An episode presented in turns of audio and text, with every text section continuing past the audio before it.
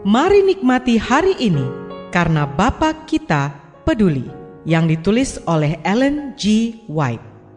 Melalui renungan pagi ini, kita akan menelusuri tentang karakter Bapa dan kasih Allah yang melimpah. Bersama Pendeta Andre Daimbani, selamat mendengarkan. Shalom, selamat pagi saudaraku. Renungan pagi kita hari ini 16 Agustus berjudul Seorang penghibur seperti Kristus. Ayat intinya diambil dari Yohanes 16 ayat 7. Demikian firman Tuhan. Namun benar kukatakan ini kepadamu adalah lebih berguna bagi kamu jika aku pergi. Sebab jikalau aku tidak pergi, penghibur itu tidak akan datang kepadamu. Tetapi jikalau aku pergi, aku akan mengutus dia kepadamu. Mari kita dengarkan penjelasannya. Penghibur yang dijanjikan Kristus akan diutusnya setelah dia naik ke surga adalah roh dalam segala kepenuhan kealahan, memperlihatkan kuasa karunia ilahi bagi semua yang mau menerima dan percaya Kristus sebagai juru selamat pribadi. Dengan para pekerja yang mengabdi bagi Allah, di mana pun ditempatkan, Roh Kudus tinggal di situ. Perkataan yang diucapkan kepada para murid adalah untuk kita juga. Penghibur itu adalah milik kita juga, sebagaimana mereka. Tidak ada penghibur seperti Kristus, begitu lemah lembut dan tulus. Ia tersentuh oleh perasaan akan kelemahan kita. Rohnya berbicara ke hati, keadaan mungkin memisahkan kita dari teman-teman kita. Lautan luas dan bergelombang mungkin tengah bergulung di antara kita dan mereka. Meskipun persahabatan tulus mereka tetap ada, mungkin mereka tidak bisa memperlihatkannya.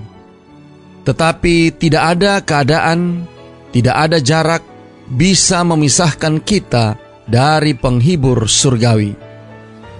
Di mana pun kita berada, ke mana pun kita pergi, dia selalu ada di sana, yang diberikan menggantikan Kristus, bertindak menggantikan dia.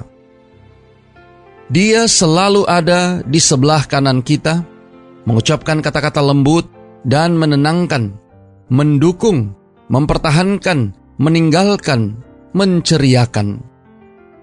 Pengaruh Roh Kudus adalah kehidupan Kristus dalam jiwa. Roh bekerja di dalam dan melalui siapa saja yang menerima Kristus.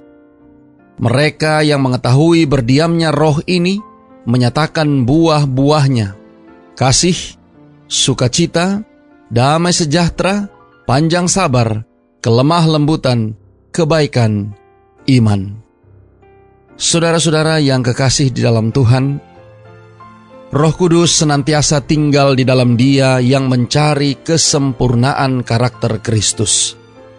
Roh Kudus memperhalus motif murni, prinsip aktif dan hidup yang memelihara jiwa-jiwa yang berjuang, bergumul, percaya dalam segala keadaan darurat dan di bawah setiap pencobaan.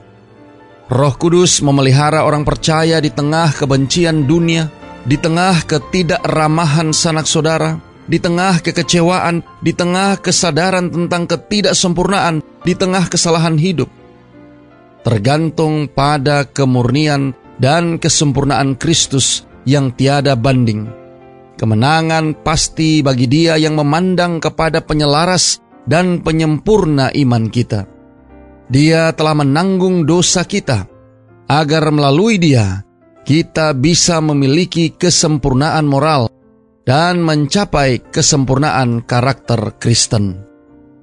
Doa kita hari ini, Bapa terima kasih untuk kabar baik, sukacita, berkat rohani yang kami terima pada pagi ini.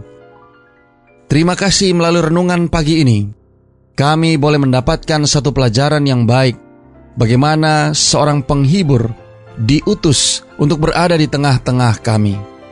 Tolong kami hari ini Bapa, biarlah dengan pertolongan kuasa roh kudusmu akan menolong masing-masing kami untuk menerima kuasa penolong, penghibur, yaitu Roh Kudus, yang menyanggupkan kami untuk menghidupkan kehidupan Kristen yang penuh dengan buah-buah, kasih, sukacita, damai sejahtera, panjang sabar, kelemah lembutan, kebaikan.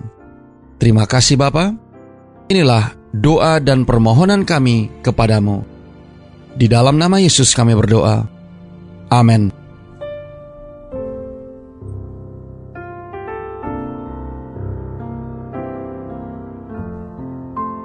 Demikianlah tadi pembahasan tentang Bapa Kita Peduli.